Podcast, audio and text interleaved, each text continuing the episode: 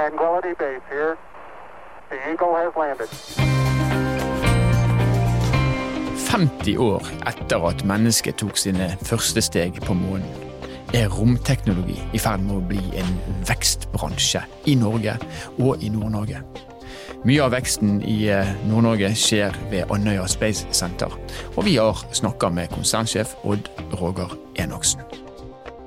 Dette er Nord-Norge i verden. Mitt navn er Stein Vidar Loftaas.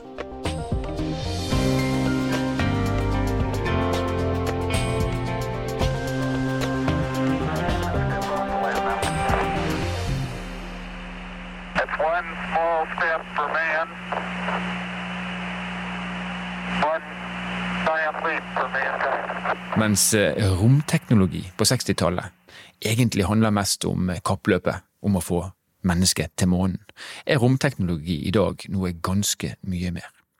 Det skytes satellitter opp i, eh, i verdensrommet.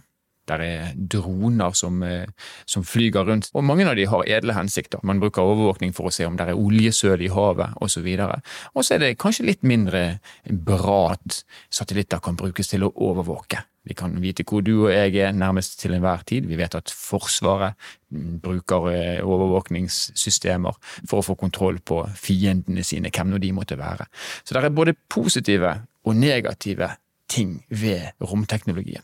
Det som er helt uomtvistelig, det er at dette danner grunnlaget for en ny næring, også i Nord-Norge. Og konsernsjef Odd Roger Enoksen, hva er egentlig Andøya Space Center? Ja, Andøya Space Center ble etablert i 1962 og for å drive forskning i det nære verdensrommet. Det var Forsvarets forskningsinstitutt som etablerte selskapet her på Andøya i 62, på en plass som heter Oksebåsen.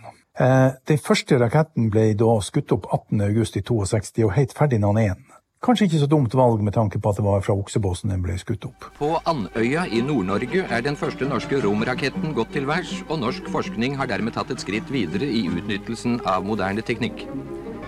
Utskytingen skapte et så kraftig trykk at noen bolter i tårnkonstruksjonen løsnet, men ellers gikk alt fint. Alle de norske rakettene eh, som eh, i mange mange år etterpå det heter da Ferdinand 1, 2, 3 osv.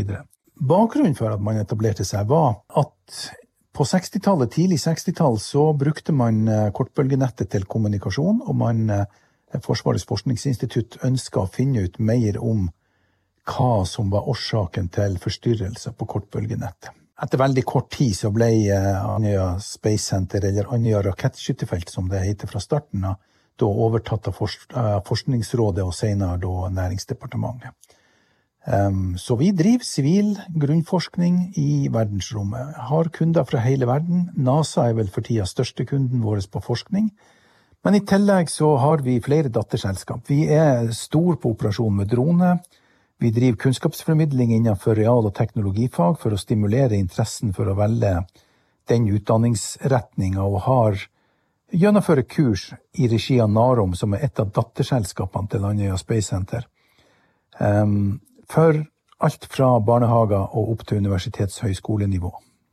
Har mellom 6000 og 7000 kursdeltakere hvert år på ulike typer kurs. Noen bygger sin egen studentrakett, skyter opp rakett, leder operasjon, leder datafangst, gjør både bygger raketten og gjennomfører operasjonen i løpet av ei uke. Så det er både kompetansebygging og den, eh, den egentlige virksomheten deres eh, på en måte hånd i hånd, i hånd her? Ja. Ja.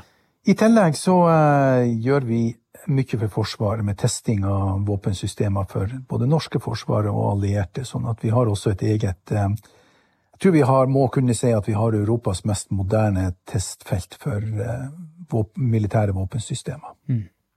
Så vi er 100 ansatte, eller vi er rett under 100 ansatte. Eh, veks hvert år med en, mellom 10 og 15 prosent. Og er en høykompetansebedrift med et stort innslag av ingeniører, folk med doktorgrad, eh, sivilingeniører. Eh, I tillegg til selvfølgelig alle andre yrkesretninger som trengs i en bedrift med 100 ansatte, fra personal, HR-funksjon til økonomi og alle de funksjoner som følger med.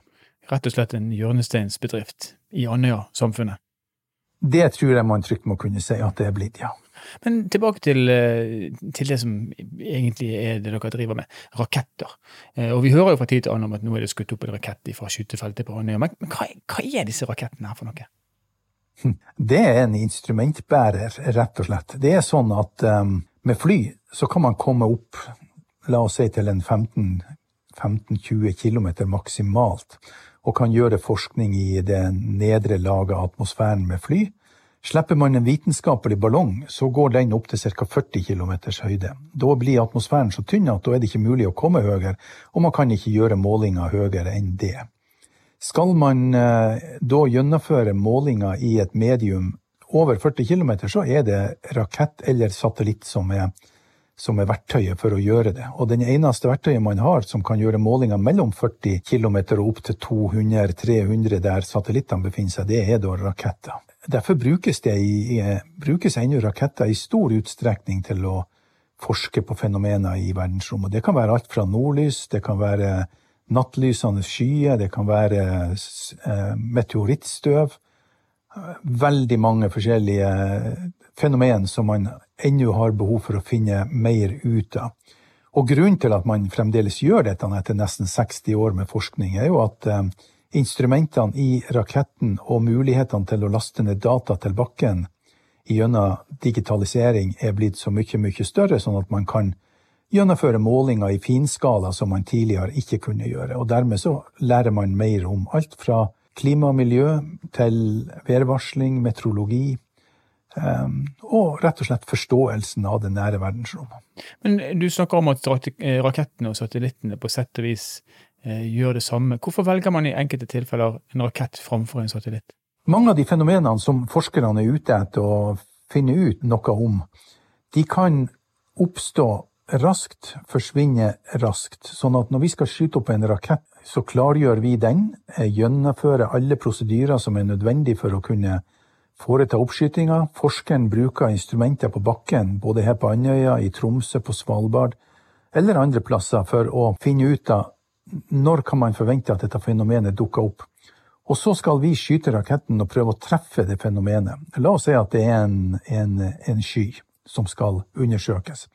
En satellitt den bruker 90 minutter på å rotere rundt jorda og kan aldri være sikker på at den er der når dette fenomenet inntreffer. Sånn at uh, du får ikke den samme presise forskninga med satellitt som du gjør med en, med en rakett. Dessuten kan raketten gjennomføre målinger i hele den uh, strekninga fra la oss si 40-50 km og opp til 1000 km, som en del av de rakettene vi skyter opp går. Jeg tror den, den raketten vi har skutt opp herifra, som har gått lengst ut i verdensrommet, har nådd litt over 1400 km. Mm, akkurat. Så rakettene og satellittene de overlapper hverandre egentlig, men de utfører kanskje da i, i stort de samme operasjonene? Til dels samme operasjon, og de utfyller hverandre. Ja. Og så er Andøya i, i, i verden. Nå, nå, er jo, Jeg vil jo tro at det skytes opp både raketter og satellitter fra veldig mange plasser, men hvorfor er Andøya eh, liksom plassen å gjøre dette fra? Starten på det hele var jo nordlysforskning, og Andøya ligger på samme måte som mange andre plasser langt nord, rett under den matnyttige delen av den smultringen som nordlyset er. Nordlyset ligger jo som en, som en smultring rundt Nordpolen, og, og Andøya og Nord-Norge ligger rett under. Um, når man etablerte Andøya rakettskytefelt, så var man på jakt etter en plass med fri utsikt utover havet. Man kan ikke skyte raketter over områder hvor det bor folk. Og dermed var det naturlig å velge en, eh, ei øy langt ut i havet mot nord. I tillegg så var det jo allerede da i 62 etablert en militær flyplass på Andøya, som nok også var med og avgjorde det hele. Men i dag har vi forskere fra hele verden, og som sagt, NASA og amerikanske forskere er de største, største kundegruppa våre. Og grunnen til at de kommer til Andøya, det er en kombinasjon av kompetanse, eh, lokalisering og moderne og godt utbygd infrastruktur som gjør at man får gode vitenskapelige resultat. Mm. Og så nevner du kundelisten deres, eller i hvert fall utdrag av når du sier NASA. NASA vet vi driver med romforskning på mange, eh, eller i mange perspektiver. Men du sa også forsvar, altså tester og ting for Forsvaret. Hva, hva er det man gjør på vegne av Forsvaret? Og jeg hadde nesten lyst til å si hvor, hvor, hvor lovlig er det? Ja, det er jo fullt ut lovlig. Eh, forsvaret er jo avhengig av å øve med sine våpensystemer. Og, og det man gjør her på Andøya, det, det, vi har ansvar for, er jo først og fremst datafangst og verifisering av at de våpensystemene som Forsvaret kjøper, fungerer sånn som eh, de skal i henhold til de spesifikasjoner som er gitt. Det er jo ikke sånn at man skyter med kanon lenger mot et mål som ligger ute i havet. Nå er det avanserte missilsystemer som f.eks. Kongsberg har utvikla for det norske forsvaret. Mm. Og da skal det verifiseres og testes. Og det vi gjør, er ivaretakelse av alt som har med sikkerhet, overvåking og datafangst å gjøre. Ja. Men det her er for det norske forsvaret, det er det det er snakk om? Ja, og allierte. Vi har flere allierte nasjoner som kunder. Ja, akkurat. Et annet eh, tema som, som vi i, i denne podkastserien har eh, problematisert, det er problemet Nord-Norge har med å skaffe arbeidskraft, eh, og for så vidt også spesielt kompetent arbeidskraft. Hvordan er det mulig for Andøya som jo er en ganske eh, liten plass eh, langt nord i landet, å få den kompetansen de trenger til å drive så eh, krevende operasjoner som dette her er, med tanke på kompetanse?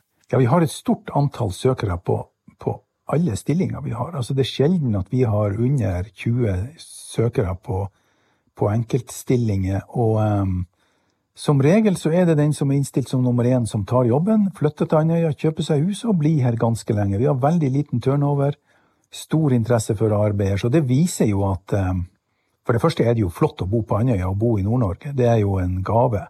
Eh, det andre er at når det finnes interessante arbeidsplasser, så eh, er det mulig å få ansatt folk. Så vi har egentlig Jeg kan egentlig ikke si at vi har problemer med å rekruttere. Det har gått utrolig greit. Og vi har vokst fra 40 ansatte til nesten 100 nå i løpet av relativt få år. og har rekrutterer, vi rekrutterer jo internasjonalt, ikke bare norsk, og, og slett ikke bare fra Andøya eller Nord-Norge. Men vi har også ansatte fra flere europeiske nasjoner. Akkurat. Akkurat. Kompetansen den eh, finnes i verden, og det er ingenting i veien med viljen eller lysten til å dra til Andøya. Det, er, det er jo fint å høre. Og ellers er jeg helt enig med deg når det gjelder det du sier om Nord-Norge, bare som ikke du lar lure dialekten min.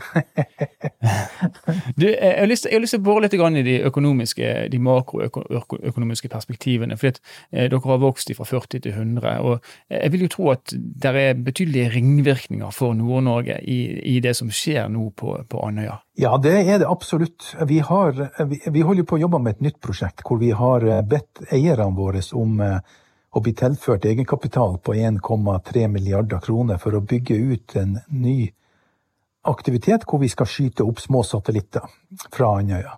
Eh, bruken av satellitt er i enorm vekst for tida, gjerne under, eh, under begrepet New Space. Eh, som jeg ikke vet om jeg skal si at det står i motsetning til Old Space. Men eh, digitalisering har jo ført til at satellittene er blitt veldig my mye mindre enn de var før.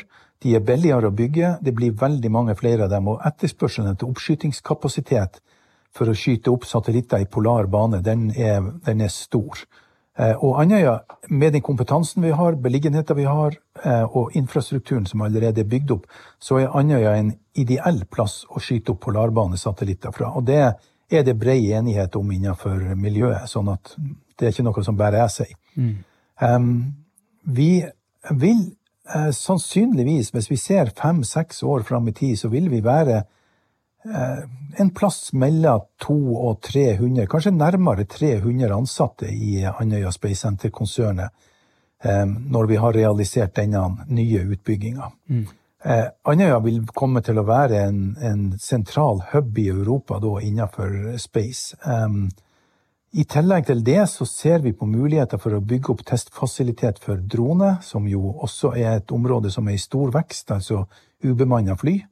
Um, så lykkes vi med dette vi holder på med, så, så er det klart det vil ha store regionale ringvirkninger. Eh, samfunnsøkonomisk analyse har utarbeidet en rapport for oss for nettopp å se på dette. og Den konkluderer med at eh, ringvirkninger både for reiseliv eh, og for andre næringer både lokalt og regionalt vil komme til å være stor av den etableringa som vi nå jobber med. Det er interessant. og Jeg må bare spørre deg, for du, du, sier at behovet for å skyte opp flere små satellitter er veldig økende. Hva, hva er grunnen til at det behovet er så økende? At de satellittene blir så mye billigere at man kan tillate seg å ha et stort antall som dekker store områder samtidig. Så det viktigste formålet med disse små satellittene er jo å gjøre jordobservasjon, som brukes til alt fra Ja, detektere oljesøl, meteorologi, værvarsling, se på endringer på jordoverflata, f.eks. For i forhold til ras, som jo vi vet at vi har problemer med enkelte plasser i Norge, hvor man overvåker fjellformasjoner. Det andre er kommunikasjon, som er et stort og økende område. Bredbånddekning via satellitt eh, er det flere som jobber med, og da er det et stort antall satellitter som skal til for å etablere det nødvendige nettverket som gir dekning overalt. Men du nevner overvåking, og du plasserer det i et, et naturlig og fornuftig perspektiv. Eh, jordskred osv., oljesøl. Men kan vi frykte òg at den typen overvåkning som disse satellittene muliggjør, er av en litt mindre gunstig type? Jeg tenker på det kinesiske samfunnet f.eks., der mer og mer blir overvåka hele tiden. Er det en fare for det? Ja, det tror jeg absolutt vi må regne med. Nå finnes det jo allerede i dag et stort antall militære satellitter. Er det vel ingen grunn til å tvile på, uten at jeg nødvendigvis skal påstå at jeg er ekspert på det. Men, men eh, satellitt brukes jo i stor grad allerede til informasjonsinnhenting og overvåking. Hva krav vil dere stille fra, Space Center på Andenes for å hindre at dere da eventuelt deltar i noe som eh, har formål som ikke er så, så gunstige?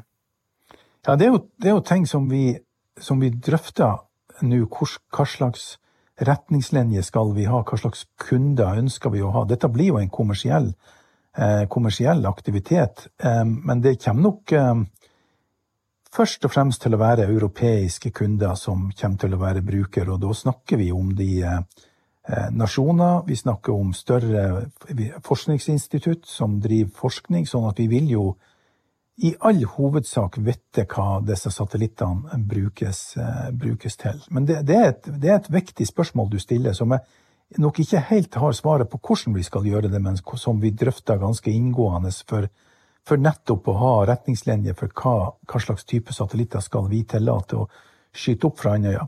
Så er det jo også det å, å føye, tilføye at alt av denne type aktivitet skal godkjennes av myndighetene, sånn at eh, vi må ha vi må ha nødvendige godkjenninger på de satellitter som skal skyte opp, sånn at også norske myndigheter vil ha en sentral rolle i forhold til denne type godkjenning. Tusen takk skal du ha, Odd Roger Enoksen, direktør på Andøya Space Center. Andøya er altså et eh, hotspot for romteknologi. Det er det fordi at de har kompetansen, fordi at de har infrastrukturen, og fordi at de geografisk sett er veldig gunstig plassert for denne formen for teknologi. Vi har hørt at eh, det er et stort potensial for utvikling, og kanskje er det slik at Andøya etter hvert kommer til å bli både enda større og enda sterkere når det gjelder romteknologi. Du har hørt på Nord-Norge i verden. Nord-Norge i verden er en podkastserie som er produsert av Sparebank1 Nord-Norge i samarbeid med Helt Digital. Musikken du har eh, hørt, er laga av Emil Karlsen. Mitt navn er Stein Vidar Loftaas. Vi høres i neste episode.